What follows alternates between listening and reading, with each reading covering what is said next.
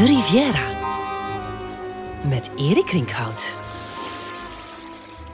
In 1931 verschijnt in Duitsland een heel bijzonder reisverslag over de Riviera.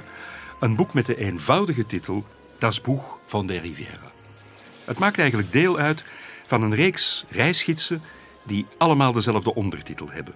Was niet im Baedeker steht. Een alternatieve reisgids dus, waarin andere dingen te ontdekken zijn dan alleen maar de grote toeristische attracties. Luxe hotels, eetgelegenheden, die in de wereldvermaarde Baedeker reisgidsen opgezond staan. Het boekje is in de loop der jaren een paar keer heruitgegeven, maar de eerste drukken zijn zeer gegeerd bij verzamelaars omwille van de mooie illustraties van onder andere Henri Matisse. Maar ook omwille van de auteurs ervan. Dat zijn namelijk Erika en Klaus Mann, broer en zus en de twee oudste kinderen van Thomas Mann. Wanneer hun reisboek in 1931 gepubliceerd wordt, heeft hun vader nog maar twee jaar eerder de Nobelprijs voor de literatuur mogen ontvangen. Erika en Klaus zijn op dat moment midden in de twintig, jong, verwend en beroemd. Klaus is net als zijn vader auteur. Erika is actrice, journaliste en heeft recent haar eerste kinderboek gepubliceerd. Het duo staat bekend als fervente reizigers, want in 1927 hadden ze samen al een wereldreis gemaakt, die ze ook gedocumenteerd hebben in hun boek Rundherum, Abenteuer einer Weltreise. Het reizen is voor hen een manier om te ontsnappen aan de beperkingen van het hogere middenstandsmilieu waarin ze zijn opgegroeid in Duitsland. Wanneer hun geld op is, stort papa vanuit het verre München een fix bedrag. Ze reizen dan ook in luxe. Met een open fort. De mooiste van het continent, schrijven ze. Er bestaat geen andere die met zoveel zwier en grandeur langs de met palmen omzoomde kustweg kan zoeven.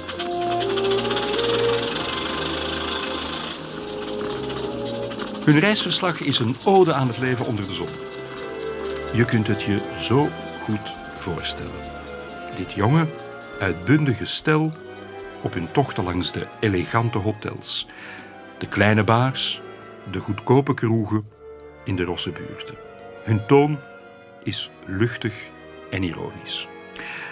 Ze rijden van Marseille, de stad waar men wellustig en nieuwsgierig rondwandelt, naar Nice.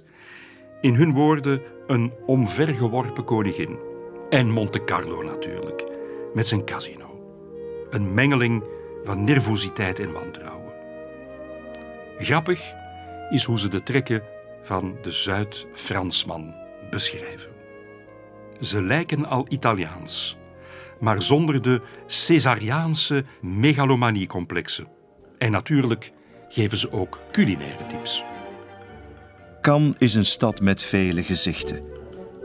Neem eens een kijkje in de kleine oesterbaar Le Caveau, vrij dicht bij de haven, waar je voor een paar francs verse, zij het wat groene oesters kunt krijgen. Zo'n rokerige gezelligheid vind je nergens anders. Het lijkt wel Rotenburg op der Taube. Ik heb het opgezocht. De bar Le Caveau bestaat nog steeds. Het heeft een prachtig art deco interieur. Maar je betaalt er tegenwoordig wel tot 24 euro voor zes oesters. Wat ik ook bijzonder leuk vind, is het feit dat ze tips geven over zaken die je maar beter niet kan doen aan de Riviera. Van Erika krijgen we bijvoorbeeld het bijzonder reisadvies om in Marseille nooit naar de kapper te gaan. Alles ziet er nogthans goed uit. Prima apparatuur, aardige mensen. Maar het lijkt daar wel of Buster Keaton iets doet zoals koffie zetten of houtkloven. Met een afgestreken gezicht verpesten ze onze kapsels, dames.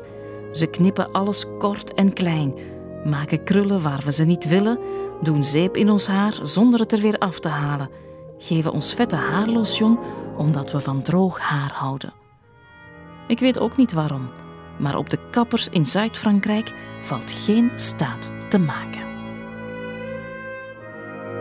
Dit soort tips zou je toch meer moeten kunnen aantreffen in reisgidsen. Het kan je heel wat ellende besparen. Maar daarnaast is het boekje ook een echte who's who van de Côte d'Azur in die jaren. Er wordt veelvuldig aan name-dropping gedaan, maar dat maakt het net zo interessant. Maurice Chevalier, Jean Cocteau, Colette, Somerset Maugham, Mistinguet, Stefan Zweig. Soms gaat dat zelfs gepaard met een paar sappige roddels. Zo passeert op een bepaald moment de koning van Denemarken de revue. Koning Christian X. En die weten ze te betrappen terwijl hij zit te flirten met de gescheiden vrouw van Charles Chaplin. Het kan geen toeval zijn dat net zij in het vizier wordt genomen. De echtscheiding van Chaplin en zijn vrouw, de actrice Lita Gray, was een van de meest sensationele media-evenementen van die tijd. Exemplaren van haar lange echtscheidingsaanklacht, die veel intieme details bevatte over de talrijke affaires van Chaplin met andere vrouwen, werden gepubliceerd en publiekelijk verkocht. Chaplin werd veroordeeld tot het betalen van de duurste echtscheidingsregeling in die tijd. Het is boeiend om te lezen. Het is een echt tijdsdocument om te bewaren. Ook al omdat het meer is dan zomaar een beschrijving van het royale dolce far niente aan de Riviera.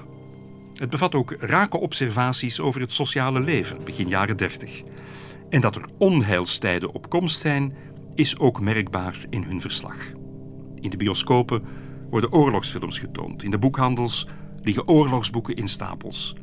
En wanneer ze bijna op het einde van hun reis de Italiaanse grens oversteken, zien ze in Genua de eerste tekenen van het opkomend fascisme.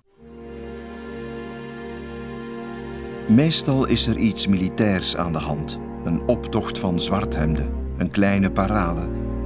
Laten we hierover zwijgen. Geen woord over politiek. Anders zouden er veel en boze woorden vallen. Maar het zou niet lang meer duren vooraleer die boze woorden wel degelijk zouden vallen. In Duitsland zou één jaar later ene Adolf Hitler zich kandidaat stellen om kanselier te worden. Je voelt dat Klaus en Erika zich daar zorgen om maken. Maar voorlopig willen ze daar even niet aan denken. Met volle teugen willen ze genieten van hun ontdekkingstocht langs de Côte d'Azur. En hun grootste ontdekking is een plek die op dat ogenblik nog ongerept is gebleven. Een gemoedelijk vissersstadje. Bijna helemaal gevrijwaard van het mondaine toerisme.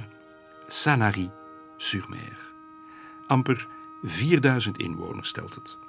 Rond de baai en in het stadje bevinden zich een handvol pensions en tegen de omringende heuvels liggen als witte vlekken de grotere villas, waarvan sommige in de zomermaanden voor weinig geld worden verhuurd. Maar wat de mans bijzonder aantrekt, is het bohemien sfeertje dat er hangt. Op de café-terrassen treffen ze nogal wat kunstenaars aan. Schilders uit Parijs, zoals Moïse Kisling, Jules Pasquin en André Derain, maar ook enkele bekende Duitse schilders. Sanary lijkt echt een zomerse ontmoetingsplaats voor de Frans-Duitse schilderswereld.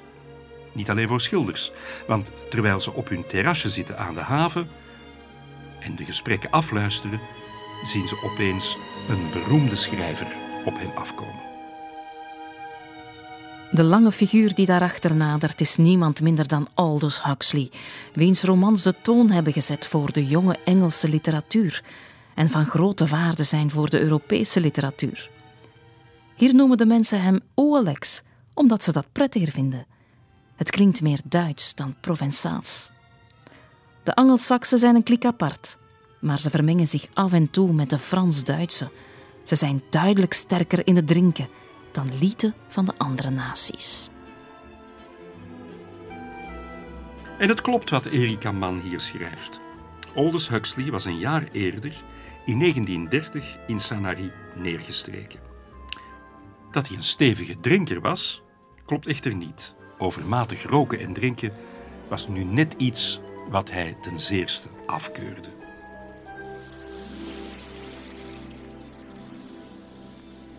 Huxley had in Sanary-sur-Mer zijn intrek genomen in wat hij noemde A Charming Little House. Een afgelegen huisje met een groot stuk grond, omringd door pijnbomen en met een prachtig uitzicht op de baie de Mandol. Hij had het huis grondig laten opknappen. En op de voorgevel had hij in sierlijke letters Villa Huxley laten schilderen. Alleen had de gevelschilder de X vergeten te schilderen, waardoor de villa voortaan Villa Hewley zou heten. Tot begin 1937 zou Aldous Huxley er blijven wonen. Hij en zijn vrouw, de Belgische Maria. Hij zou er overigens ook een van zijn bekendste werken schrijven, Brave New World. En als we willen weten hoe het eraan toe ging in Villa Huxley, moeten we de memoires lezen van Sybil Bedford.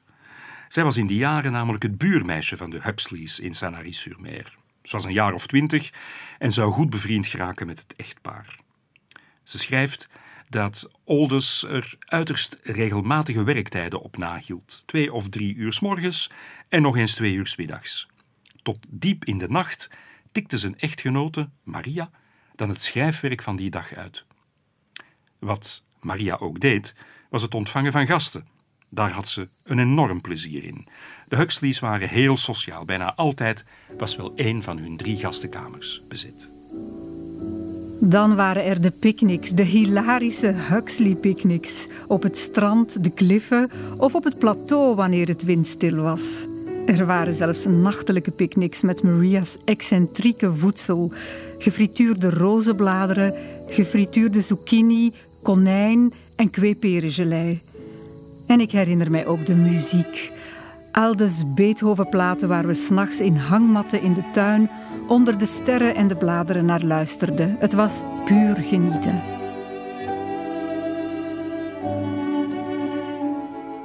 De zoete herinneringen van Sybil Bedford, Sweet Memories. Zonnige, zorgeloze dagen waren het. Al begonnen er ondertussen toch ook al enkele donkere wolken voor de zon te schuiven. En dat heeft natuurlijk alles te maken met de politieke situatie in Italië en Duitsland. De Huxleys zien meer en meer Duitse intellectuelen in Sanary opduiken. Schrijvers die op de vlucht zijn voor het nazisme. Dat een hoop van die Duitse bannelingen daar onderdak vinden, heeft natuurlijk ook met Erika en Klaus Mann te maken. Het zijn immers zij die hun vader, Thomas Mann, weten te overhalen om naar Sanary te komen. En in zijn kielzog zouden er nog vele volgen. Op 10 mei 1933 arriveert Thomas Mann aan de Côte d'Azur, samen met zijn vrouw Katja en de drie jongste kinderen. Niets te vroeg. Op de dag van zijn aankomst verneemt Thomas Mann dat in Berlijn en München ook zijn boeken op de brandstapel zijn geworpen. In vakantiestemming zijn ze allerminst. Thomas Mann is gespannen en gedeprimeerd. In zijn dagboek noteert hij: Ik vind in dit cultuurgebied alles armzalig, nietszeggend, weinig geriefelijk en onder mijn leefniveau. Na een maandenlang verblijf op hotelkamers betrekken Thomas Mann en zijn gezin in Sanary-sur-Mer de Villa Tranquille. Een hooggelegen woning met uitzicht op zee, te midden van cactussen en cipressen, halverwege de Chemin de la Colline. En hier hervindt hij zijn vertrouwde leefritme. Thomas Mann krijgt zelfs oog voor het fraaie landschap. Loopt ochtends voor het ontbijt langs een smal pad naar beneden om een eindje te zwemmen, waarna hij zich vervolgens terugtrekt in zijn werkkamer. In de avonduren, als de zomerhitte is geluwd, zit hij graag in een rieten stoel om met een sigaar naar de sterrenhemel te kijken. Hij beleeft er ook genoeglijke avonden met de andere Duitse schrijvers die in balling zijn. Met Willem Herzog bijvoorbeeld, de pacifistische schrijver die in een klein herenhuis woont in het centrum van Sanary-sur-Mer, niet ver van de haven. Ook met Stefan Zweig, de kunstenaar René Schickele of de auteur Leon Feuchtwanger, die bijna gelijktijdig met Thomas Mann in Sanary was aangekomen. Naar schatting waren er in de jaren 30 meer dan 500 Duitse en Oostenrijkse bannelingen verspreid langs de Franse Côte d'Azur. Maar de meeste woonden in Sanary en het naburige dorp Bandol. In de cafés aan de haven komen ze samen om te spotten met Goebbels en Hitler of om te discussiëren over Goethe of Stalin. Herman Keste, nog een Duitse exilauteur, schreef daar iets treffends over.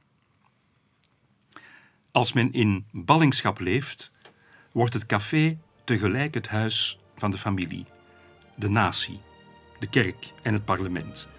Een woestijn en een bedevaartsoord. De wieg van illusies en hun kerkhof. In ballingschap is het café de enige plek waar het leven doorgaat.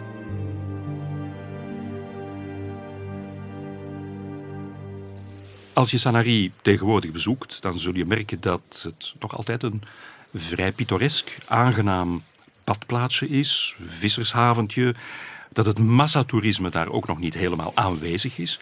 En dat, heel mooi, dat je meer dan 30 plekken kunt bezoeken die te maken hebben met de exielauteurs. Het zijn of de villas waar ze gewoond hebben, of de plekken, de hotels en cafés waar ze samenkwamen en waar ze elkaar ontmoeten. En het is dan ook fijn natuurlijk om die Chemin de la Colline op te wandelen en de Villa Tranquille te zien, die weliswaar heropgebouwd is geweest. Maar je kunt je dan voorstellen als je het terrasje ziet waar Thomas Mann gezeten heeft. En je moet er dan ook maar bij denken dat een andere beroemdheid, Bertolt Brecht, er ooit op bezoek is geweest en er ook nog Duitse liederen heeft gezongen.